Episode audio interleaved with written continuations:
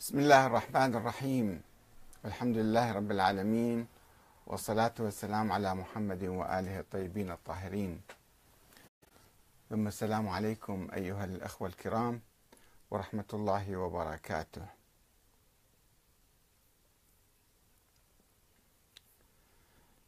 ما هو المفهوم الأصيل للمهدوية؟ لماذا يعتقد أصحاب القضية بأن مقتدى الصدر هو الإمام المهدي. وهل يحتاج الإمام المهدي إلى رجل يهديه أم هو يهتدي بهدي السماء؟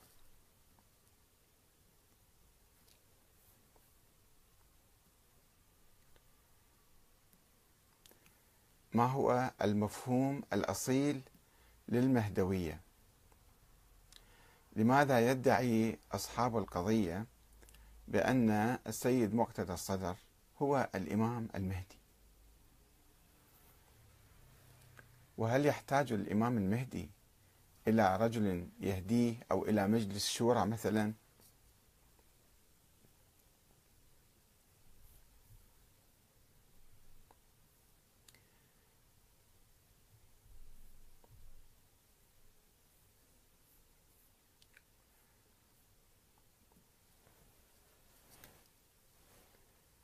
أصدر آه، السيد مقتدى الصدر اليوم بيانا توعد فيه ما يسمى بأصحاب القضية وهم فريق أو مجموعة من التيار الصدري يعتقدون بأن السيد مقتدى الصدر هو الإمام المهدي.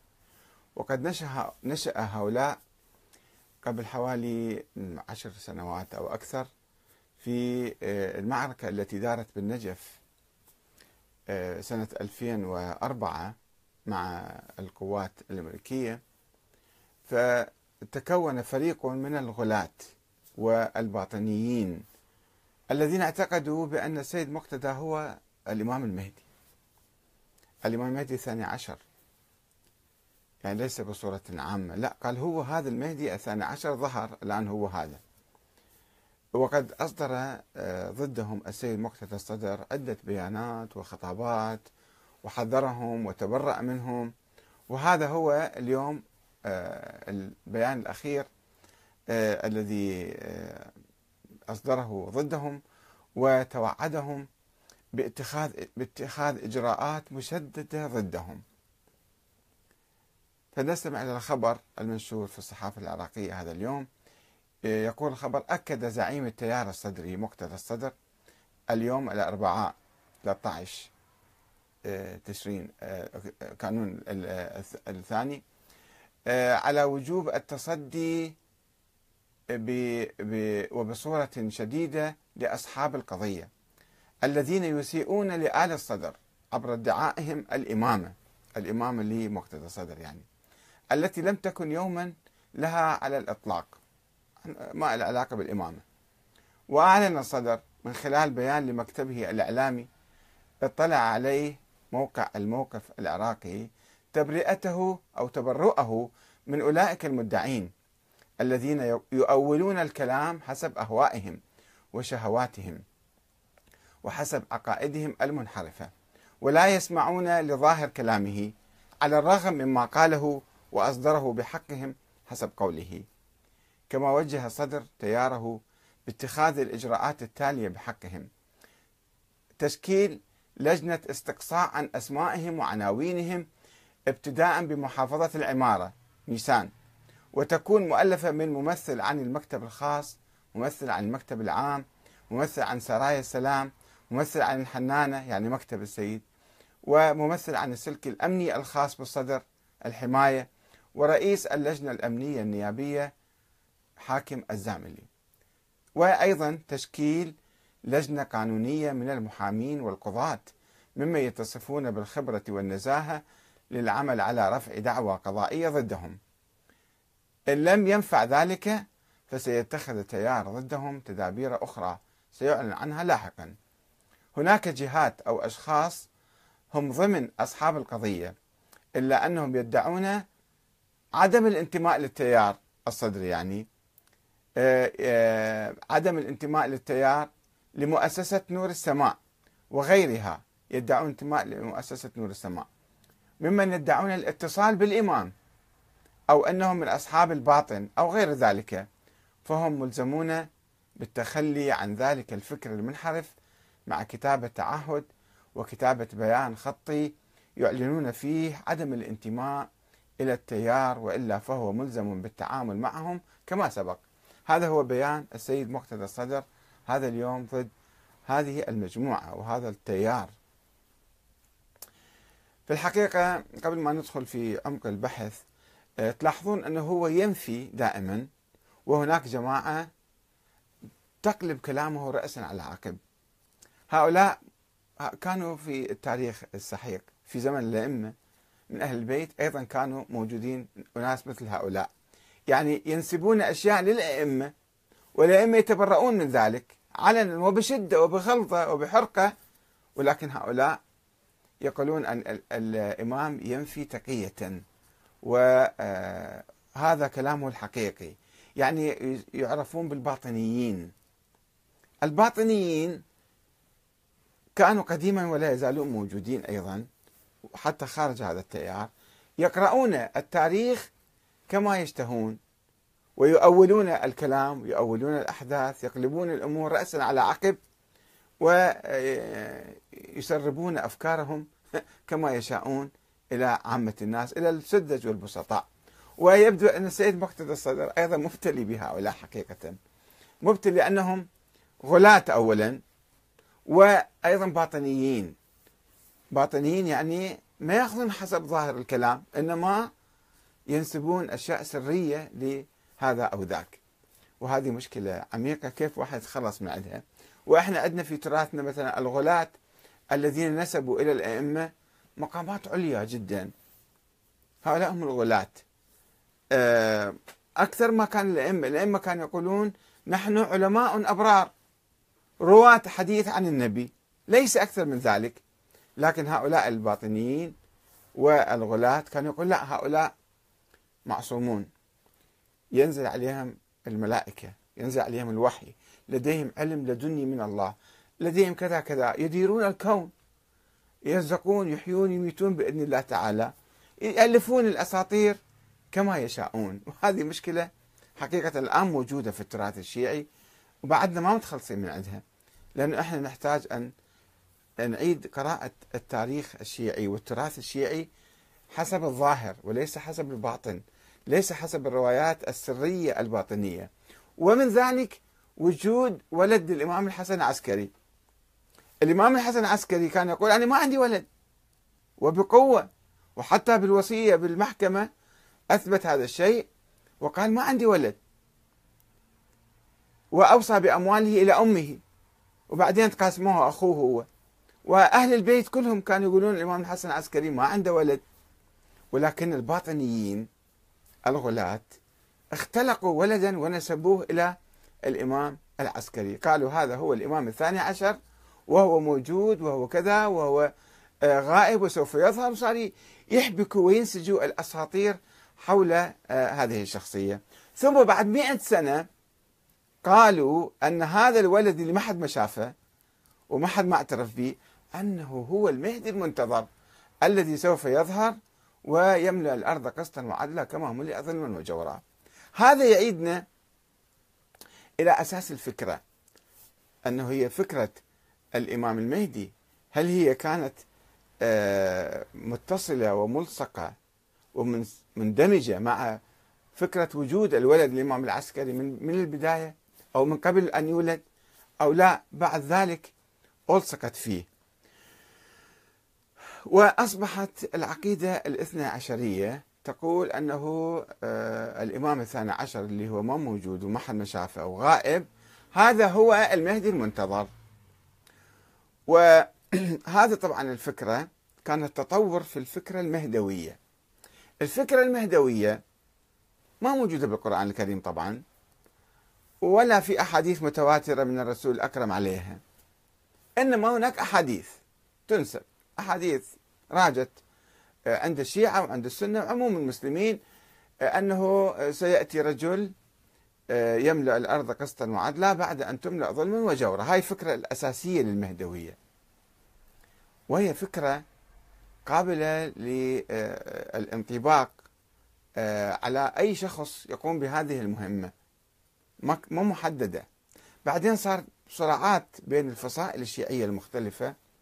والأحزاب الشيعية المتعددة كل حزب كان يقول لا المهدي من عندنا المهدي مثلا من العلويين من بني فاطمة من بني الحسن من بني الحسين من بني العباس من سفياني من كذا. كل واحد كان يدعي المهدوية. يعني كان يركب المهدوية على تياره وعلى حزبه وعلى جماعته. فعندما نقرأ التاريخ الشيعي أو الإسلامي في القرون الثلاثة الأولى نجد عشرات أدعياء المهدوية أو من ادعيت لهم المهدوية. أو هم قالوا نحن أنا المهدي أو الآخرون قالوا هو المهدي. تأملا وظنا وتوقعا وتحسبا أن يكون هذا هو المهدي الذي يقوم بهذه المهمة. في العقيدة الاثنى عشرية ختمت الفكرة. لا صار الثاني عشر هو المهدي الغائب وسوف يظهر في المستقبل. طبعا كان فكرة سلبية أثرت على الشيعة ألف سنة أخرجتهم من مسرح التاريخ ومسرح الحياة لأنها ربطت فكرة التغيير والعمل السياسي بالفكرة بهذه الفكرة المهدوية أن هذا المهدي هو الذي يأتي ويغير العالم أو يقوم بالثورة. وكل راية قبل راية المهدي فهي راية ضلالة وصاحبها طاغوت. طيب ماذا نفعل؟ ناموا في البيوت انتظروا خروج المهدي اجلسوا لا تقوموا بأي عمل. فحرم فقهاء الشيعة خلال ألف سنة القيام بالثورة والمشاركة السياسية وإقامة الحكومات والثورات. كل شيء صار حرام. وانعكست على الفقه صلاة الجمعة صارت معطلة. الخمس مو واجب الزكاة مو كذا ما تعطى إلا كذا وكذا الحدود تعطل. انعكست هذه الفكرة بصورة سلبية فكرة وجود الإمام الثاني عشر الغائب المهدي المنتظر انعكست سلبيا على طبعا في العقود الأخيرة أو في القرون الأخيرة ربما حتى صارت هناك نهضة شيعية وإعادة قراءة لهذه الفكرة. صارت فكرة التمهيد للإمام المهدي. أنه مو معقولة كما قال الإمام الخميني في سنة 69 في النجف في محاضراته اللي صارت في كتاب الحكومة الإسلامية قال لا يعقل أن نجلس إحنا ننتظر المهدي ربما بعد 4000 آه، سنة ما طلع. وإحنا كل شيء بنسوي نجلس فقط ننتظر الإمام كما كانت حوزة النجف تعتقد هكذا. عموم حوزة النجف مراجع حوزة النجف. كانوا يعتقدون أنه إحنا ما عندنا دور أن نقوم بثورة أو دولة أو حكومة. من السيد الحكيم سيد محسن الحكيم إلى الشيخ حسين الحلي مدير مكتب الإفتاء إلى السيد الخوئي إلى آخرين. كلهم كانوا يعتقدون أنه ما يجوز القيام بحركة سياسية أو ثورة أو كذا. أو تشكيل حكومة في عصر الغيبة ولذلك ضربوا حزب الدعوة في الستينات. أصدر فتاوى أنه ما يجوز العمل فيه. على هذا بحث ما ندخل فيه الآن ولكن باختصار أقول لكم هذه الفكرة. ف آه، الآن يأتي أناس في هذه المرحلة الجديدة مرحلة النهوض الشيعي يعني أنه فلان هو المهدي أو فلان نائب المهدي أو فلان له اتصال بالمهدي. أو فلان يجي واحد مثل هذا أحمد الحسن يقول أنا ابن الإمام المهدي ابن الإمام المهدي فلابد آه، أن تتبعوني وأنا جاي اليماني. أنا جاي أمهد للمهدي. كما في الروايات القديمة أن واحد اسمه يماني أو من اليمن يجي يمهد للمهدي. فهذا هو آه، سوف يشكل جيش ويشكل مجموعة ويقوم بقتل ناس مثلا وحرب أنه دا يتلقى الأوامر. من الإمام المهدي وهو يمهد للإمام المهدي أصحاب القضية لا يعتقدون هو الإمام المهدي تجسيد هو مقتدى الصدر تجسيد للإمام المهدي هو جاء الإمام المهدي هذا الثاني عشر. طبعا هنا نحن بين فكرتين. سيد مقتدى الصدر ينفي بشدة أنه يكون هو إمام من الله أو هو مثلا هو الإمام المهدي اللي المنتظر ولكن فكرة المهدوية فكرة المهدوية خلينا نقاربها بشكل أفضل. نرجع للمفهوم الأصلي لفكرة المهدوية اللي كان في القرون الثلاثة الأولى عند عامة الشيعة وعامة المسلمين وحتى اليوم عامة المسلمين قد يعتقدون أن يمكن واحد يكون إذا قام بثورة وشكل حكومة وكذا يسموه المهدي. فإذا كنا نرفض طبعا هو أساسا المهدي الثاني عشر لم يولد حتى أن يجي يتجسد بمقتدى الصدر. هذه فكرة من الأساس هي مو صحيحة. لا ما عندنا أي أي أدلة على ولادته ووجوده وظهوره. ألف سنة صار 1200 سنة ولا أي أثر لا رسالة لا كتاب لا فاكس لا فيسبوك لا تويتر لا آه، إنترنت ولا أي شيء ولا تليفون ولا أي شيء. ما في أي اتصال بهذا الإنسان. إذا هو موجود لماذا هو موجود؟ غائب خايف طيب أكو وسائل اتصال سرية يمكن يتصل بالناس ويخبرهم ويحكي معاهم. حتى هذا ما موجود. وما يزعم من آه، أنه بعث رسائل للشيخ المفيد هاي كلها كذب في كذب. لا رسائل ولا محزنون. اختلقوها ناس بعدين. دعاية للشيخ المفيد. أو أنه بعض المراجع يلتقون بالإمام سرا. كلها دعايات. دعايات لتأليف يعني هالة حول هذا المرجع وذاك عمل دعاية له بهالطريقة هذه. فهنا عندنا السيد مقتدى هو ينفي وبقوة ويلاحق هؤلاء ويقدمهم محكمه ومع ذلك هؤلاء يتشبثون بعقيدتهم لا أنه هو المهدي. يعني باطنيين ماذا يفعل معهم؟ كما احتار أئمة أهل البيت آه، في التعامل مع الغلاة الباطنيين الذين نسبوا لهم النبوة والألوهة ودرجات عليا. آه، خلينا آه، نطلع من هاي الفكرة. أنه طيب الآن هو سيد مقتدى نفسه يفند هاي الفكرة. وإذا إحنا بحثنا فكرة وجود المهدي الثاني عشر أيضا وجدنا هاي فكرة غير مبتنية على أسس تاريخية أو أدلة موثقة مجرد إشاعات و آه، افتراضات عقلية افتراضات كلامية نظرية واستنتجوا منها أنه يجب أن نفترض وجود ولد. طب هذه الفرضية مالتكم شيلوها مو صحيحة طيب الفكرة نهائيا نلغيها؟ نقول أصلا هاي الفكرة ما موجودة بالقرآن ولا موجودة بالإسلام وخلي إحنا أصلا بعد ما نفكر بهذه. هذا رأي بس في رأي آخر يقول لا الفكرة هي فكرة المهدي المنتظر. هذه فكرة آه، حضارية أيضا. فكرة حضارية إذا أخذناها بجوهرها أنه ما هو دور هذا المهدي اللي موجود بالثقافة الإسلامية.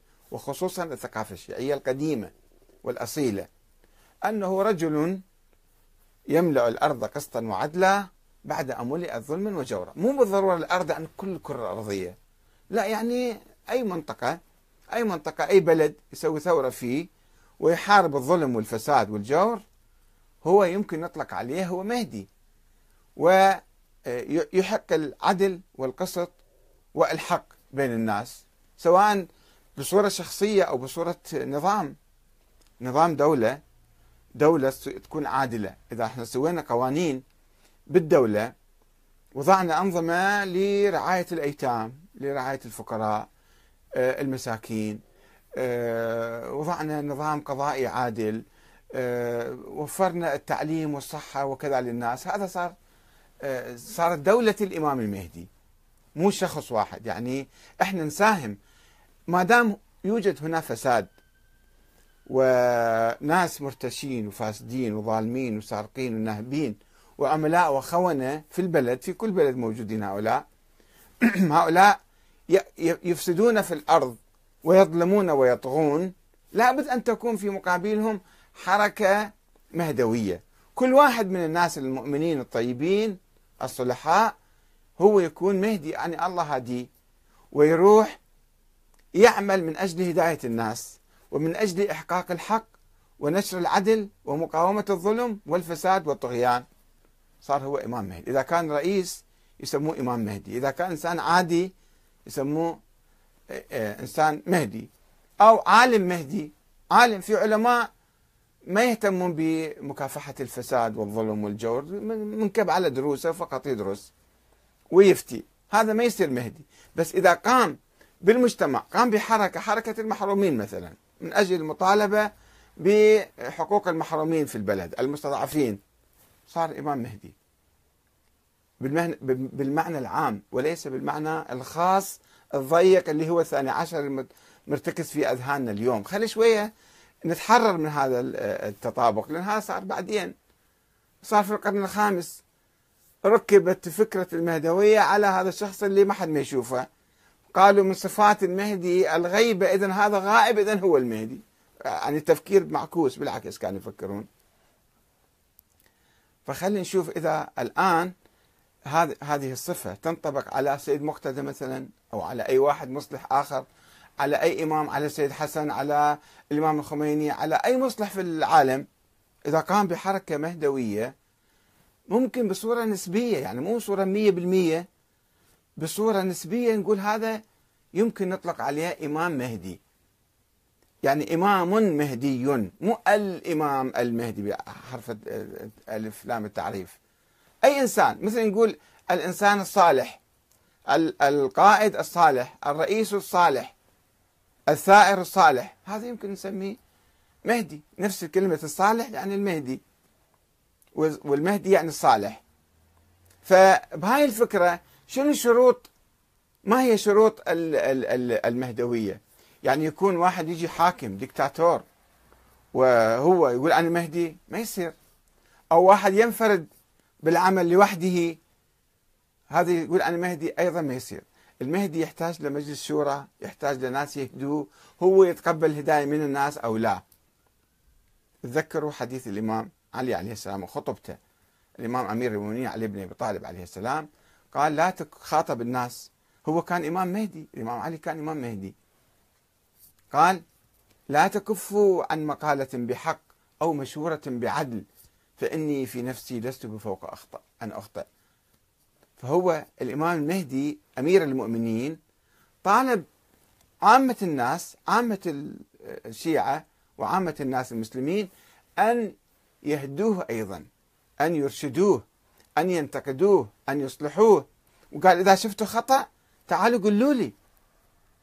تعالوا قولوا لي. لا تقولون هذا أمير المؤمنين هو مرتبط بالسماء ومعصوم ويعرف كل شيء وبعد إحنا مو بحاجة نتكلم معاه. لا.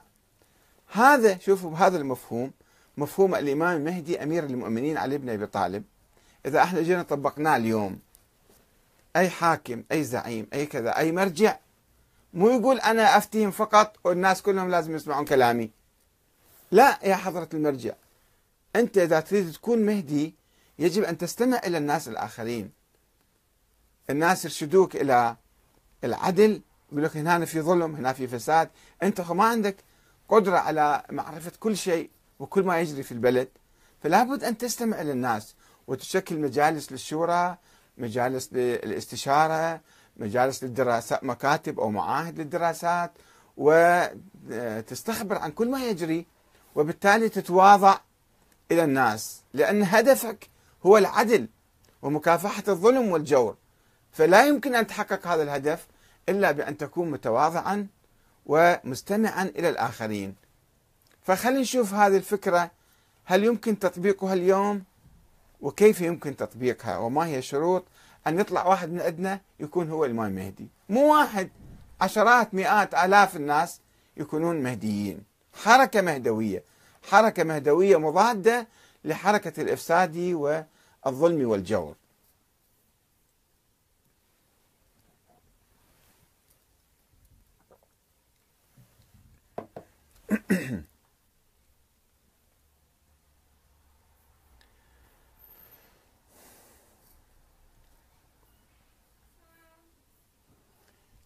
إذا آه، موضوعنا هل يحتاج الإمام المهدي اللي بالفكرة العامة مو الإمام المهدي الثاني عشر لا يروح ذهنكم لذاك أي واحد اللي يكون إمام مهدي هل يحتاج إلى رجل آخر يهديه أو مجلس شورى ينصحوه ويرشدوه أو لا؟ ولماذا يدعي بعض الغلاة الباطنيين من أصحاب القضية مهدوية المقتدى الصدر؟ هذا تحدثنا عنه. إذا تجاوزنا موضوع الصفة المهدوية الملصقة بالإمام الثاني عشر محمد بن الحسن العسكري الغائب والتي تم مزجها به في القرن الرابع الهجري يعني بعد مئة سنة من افتراض ولادته.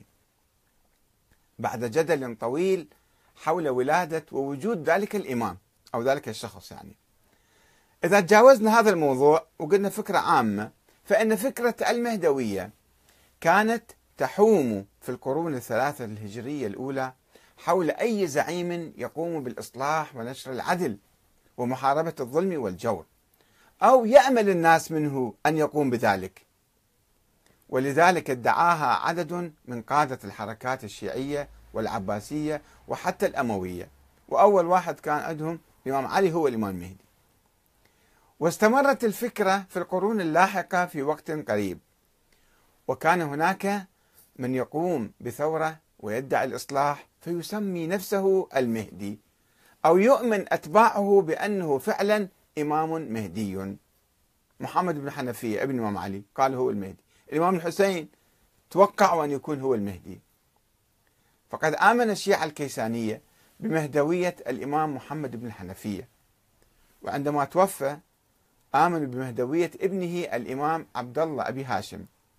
ثم أمل الشيعة الزيدية بأن يكون الإمام زيد بن علي آه الإمام المهدي آه القادر على القضاء على ظلم الأمويين. ولما استشهد انتقلت الراية المهدوية إلى الإمام محمد بن عبد الله ذي النفس الزكية الذي أسماه أبوه عند ولادته وأطلق عليه لقب المهدي سماه محمد هو اسمه عبد الله. فقال هذا مهدي محمد بن عبد الله. ذيك الأيام كانوا يعني يعرفون أن اسم المهدي محمد بن عبد الله. طبعا هذا كله, كلام أيضا. وكذلك توقع الشيعة الإمامية بأن يكون الإمام محمد الباقر الإمام المهدي القائم. فنفى عن نفسه هذه الفكرة وهذا الدور. قال أنا صرت كبير والمهدي لازم يكون شاب بعده مو مثلي أنا شيبت يعني. فتوقعوا بأن يكون الإمام جعفر الصادق هو المهدي. ثم قال فريق من الشيعة بإمامة ال... لما توفي الإمام الصادق قالوا لا ما متوفي هذا الناووسية معروفين بالناووسية. ذول الفرقة قالت بمهدوية الإمام جعفر الصادق. قالوا هذا غاب باطنيين كل شيء يقلبوه يشوفون واحد ميت يقول لا ما مات هذا مختفي. ثم قال فريق من الشيعة الإمامية بمهدوية الإمام محمد بن عبد الله الأفطح ابن جعفر الصادق. الذي لم يره أحد. ولكن هم افترضوا عندما توفي عبد الله الأفطح قالوا أنه عنده ولد اسمه محمد ابن عبد الله وهو مختفي وسوف يظهر. وهذول راحوا إجوا جيل ثاني سرعان ما قالوا بمهدوية الإمام موسى الكاظم. قال هذا هو المهدي القائم. واسمه اسم موسى الحلاق كانوا يقولون. يعني موسى. الذي توفي في السجن عام 173 وقالوا هذا اختفى ما مات. رفضوا أن يعترفوا بوفاة الإمام موسى بن جعفر. قالوا هرب من السجن في بغداد وهو سوف يقوم. وصارت حركة واقفية. عامة الشيعة وقفوا على موسى بن جعفر. قالوا هذا هو المهدي المنتظر. وكتبوا كتب. أصحاب الإمام موسى الكاظم كتبوا كتب حول مهدويته وحول غيبته. كتب الغيبة وأحاديث الغيبة أكثرها من هناك جاية. وبالرغم من توقف عامة الشيعة الإمامية على الكاظم فإن فريقا منهم قال بإمامة ابنه علي رضا ومهدويته ولا سيما بعد توليه لولاية عهد المأمون. ولكنه نفى عن نفسه هذه الصفة. ونفى آه، دون آه، آه، ودون أن يظهر. فانتقلت الفكرة إلى عدد آخر من أئمة الزيدية والإسماعيلية. أنه هذا مهدي ذاك مهدي ما كانت مشروطة بهذه السلالة.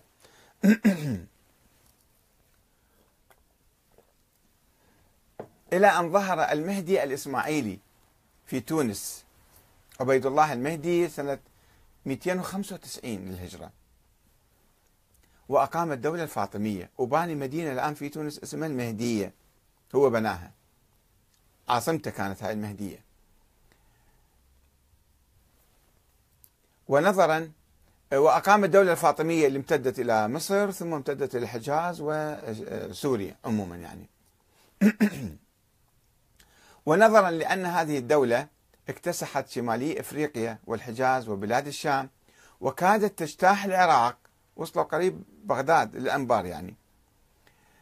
آه، وكادت تجتاح العراق. فقد دعم العباسيون اللي هم كان عندهم مهدي سابق ابن المنصور سموه المهدي أيضا. آه، دعم العباسيون فكرة مهدوية الإمام الثاني عشر الغائب. هاي في القرن الرابع. لما شافوا المهدي طلع هناك المهدي الإسماعيلي قال لا مو ذاك المهدي. في مهدي غائب عندنا هذا هو الغائب هو المهدي. وقالوا الذي لم يثبت وجوده ولا ولادته بصورة تاريخية شرعية قاطعة. وبنى أحد الخلفاء العباسيين وهو الناصر لدين الله سرداب الغيبة في سامراء. إذا تروحون بسامراء شوفوا هذا السرداب عليه فوق بالباب مكتوب اسمه اسم هذا الخليفة القادر. وفي المنبر تحت أيضا مكتوب اسم القادر بالله العباسي. وزعم بأن الإمام المهدي مختبئ في هذا السرداب. هذا العباسيين هكذا خدعوا الشيعة. وهو يعلم هذا الخليفة كان يعلم بعدم وجود أي شخص في داخله ولكنه كان يحاول ربط الفكرة بشخص موهوم حتى يميت الشيعة ويخرجهم من المسرح السياسي ويقتل فيهم روح الثورة والمنافسة على السلطة. ولا أريد أن أبحث هذا الموضوع الآن أبحث صحة أو عدم صحة النظرية المهدوية الاثنى عشرية. هذا بحث مفصل. ولكني أود الإشارة إلى أن فكرة المهدوية كانت في التاريخ الإسلامي فكرة عامة غير محددة بشخص معين. وهي تنطبق على كل رجل أو إمام أو رئيس يقوم بالثورة والإصلاح ومحاربة الفساد والظلم والجور وينشر القسط والعدل. وبناء على هذا الأساس فإن الفكرة اليوم إذا إحنا أخذناها الفكرة العامة أو جوهر الفكرة قد تنطبق على كثير من الزعماء الثوريين والإصلاحيين. حتى إذا لم يتسموا باسم الإمام المهدي سواء قاموا أو لم يقوموا بما وعدوا به. يعني واحد يفكر يسوي ثورة واحد سوى ثورة ونجح وفعلا طبق العدل وطبق القانون يمكن نطلق عليه هذا إمام مهدي. الصفة تنطبق عليه. ومن ومن هنا قام فريق من أتباع أحد الزعماء الدينيين السياسيين في العراق اللي هو السيد مقتدى الصدر بإطلاق هذه التسمية على زعيمهم. واعتقدوا أنه هو المهدي الإمام الغائب. رغم نفيه ورفضه لهذه الفكرة وهذا اللقب. وإذا كنا نتفق معه في نفي كونه ذلك الإمام الثاني عشر الغائب الذي يؤمن الشيعة الإمامية الاثنى عشرية به مو هو طبعا مو هو ذاك أصلا موجود ولا ولد. فإن من المحتمل أن يكون ذلك الزعيم أو أي زعيم آخر ينشد الإصلاح ويعمل من أجله ويقوم بمكافحة الفساد والظلم والجور ويبسط القسط والعدل في البلاد يمكن نعتبره إماما مهديا. إماما مهديا. بنسبة معينة. وبمعنى كونه إماما مصلحا. زعيم مصلح يعني. ومع إيماننا بهذا الاحتمال نود لفت النظر إلى وجود فارق كبير بين الإيمان بإمام معصوم منصوص عليه من الله ومدعوم بقوة السماء كما هو مرسوم في الثقافة الشيعية الإمامية وبين أي زعيم أو إمام يعني يقوم بالإصلاح أو يعمل من أجل العدل ومكافحة الفساد. وذلك لإيمان الجميع بأن الأخير هو إنسان عادي غير معصوم ولا معين من قبل الله. هذا الإمام اللي نقول عنه الآن إمام مهدي هو مو معصوم ولا معين من قبل الله ولا عنده ارتباط خاص بالسماء. ولا نائب الإمام الغائب العام ولا الخاص حتى. أنه مثل ذاك صاحبنا اللي قال أنا نائب الإمام الخاص أشوفه وأجلس معاه وأشرب شاي وياه. وبالتالي هذا الإمام المهدي اللي نتحدث عنه الآن اللي ممكن يعني آه، قد يخطئ أو يجهل طريق الإصلاح وقد يفسد أو يسير في طريق الفساد من حيث يشعر أو لا يشعر. يعني أي إنسان يدعي المهدوية يدعي الإصلاح. وهو ما مرتبط بالسماء ولا معصوم ولا ينزل عليه وحي. فهو قد يكون عنده نية طيبة وعنده هدف الإصلاح ويمشي في هذا الطريق. قد يصيب وقد يخطئ. قد يجتهد وقد يخطئ. وبالتالي فهو بحاجة إلى واحد أيضا يهديه. يعني مو فقط هو يقول أنا خلص أني الزعيم الإمام المهدي وبعد ما حد ما يتكلم معايا. فهو قد يخطئ أو يجهل طريق الإصلاح وقد يفسد أو يسير في طريق الفساد من حيث يشعر أو لا يشعر. ولذلك فإنه بحاجة مستمرة إلى أمره بالمعروف ونهيه عن المنكر وإرشاده إلى طريق الصلاح والعدل من عامة الناس من خاصة من أتباعه وجماعته وأنصاره. إذ لا يكفي أن يرفع أي قائد أو زعيم شعار الإصلاح حتى يكون مصلحا ومهديا. يعني مو فقط بالكلام وبالنية وبالهدف وبالشعارات أنا صرت إمام مهدي. وإنما يحتاج إلى إمام مهدي آخر يرشده إلى الصلاح. وانطلاقا من هذه الحقيقة البديهية أود توجيه رسالة واضحة وصريحة إلى كل من يحاول الإصلاح في العراق وفي أي بلد آخر. بأن ينتهج الطريق الديمقراطي في الإصلاح ولا يجعل من نفسه وصيا على الناس أو يتصرف كالملوك المستبدين الذين يمارسون السياسة بصورة فردية لا تعرف الشورى ولا احترام رأي الشعب.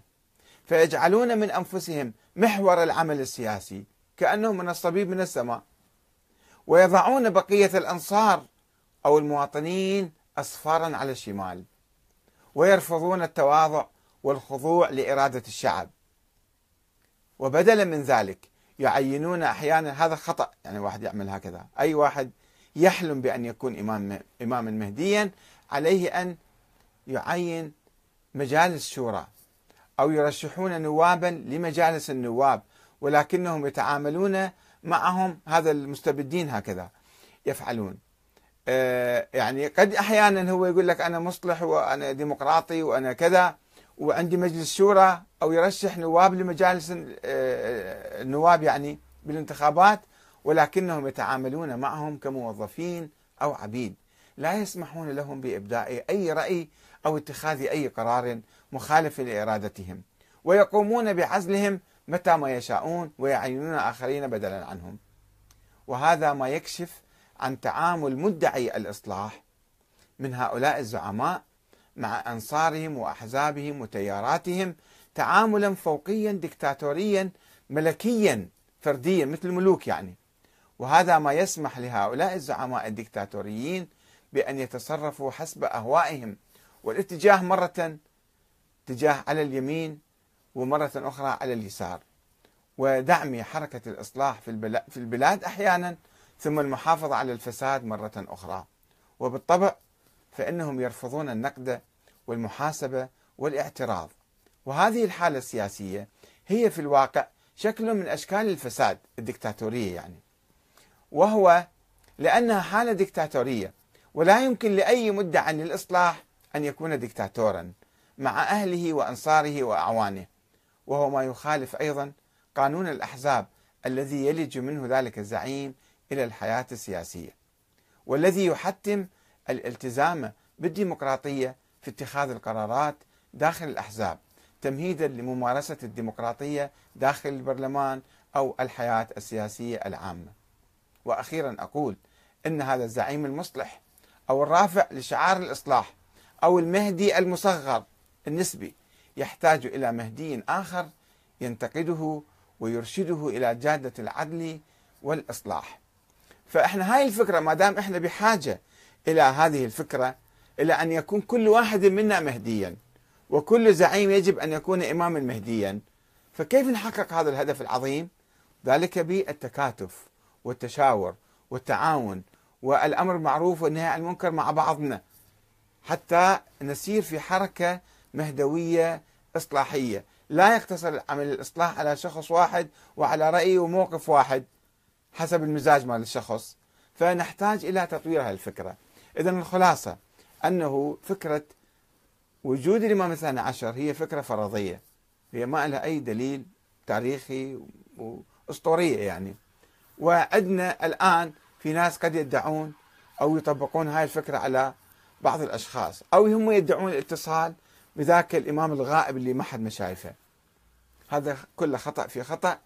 نحتاج إلى أن نأخذ لب الفكرة جوهر الفكرة الفكرة المهدوية المفهوم الأصيل لفكرة المهدي في القرون الثلاثة الأولى اللي انتشرت بين الشيعة وبين الحركات الثورية. هذه الفكرة يمكن نطبقها اليوم حتى نصلح المجتمع.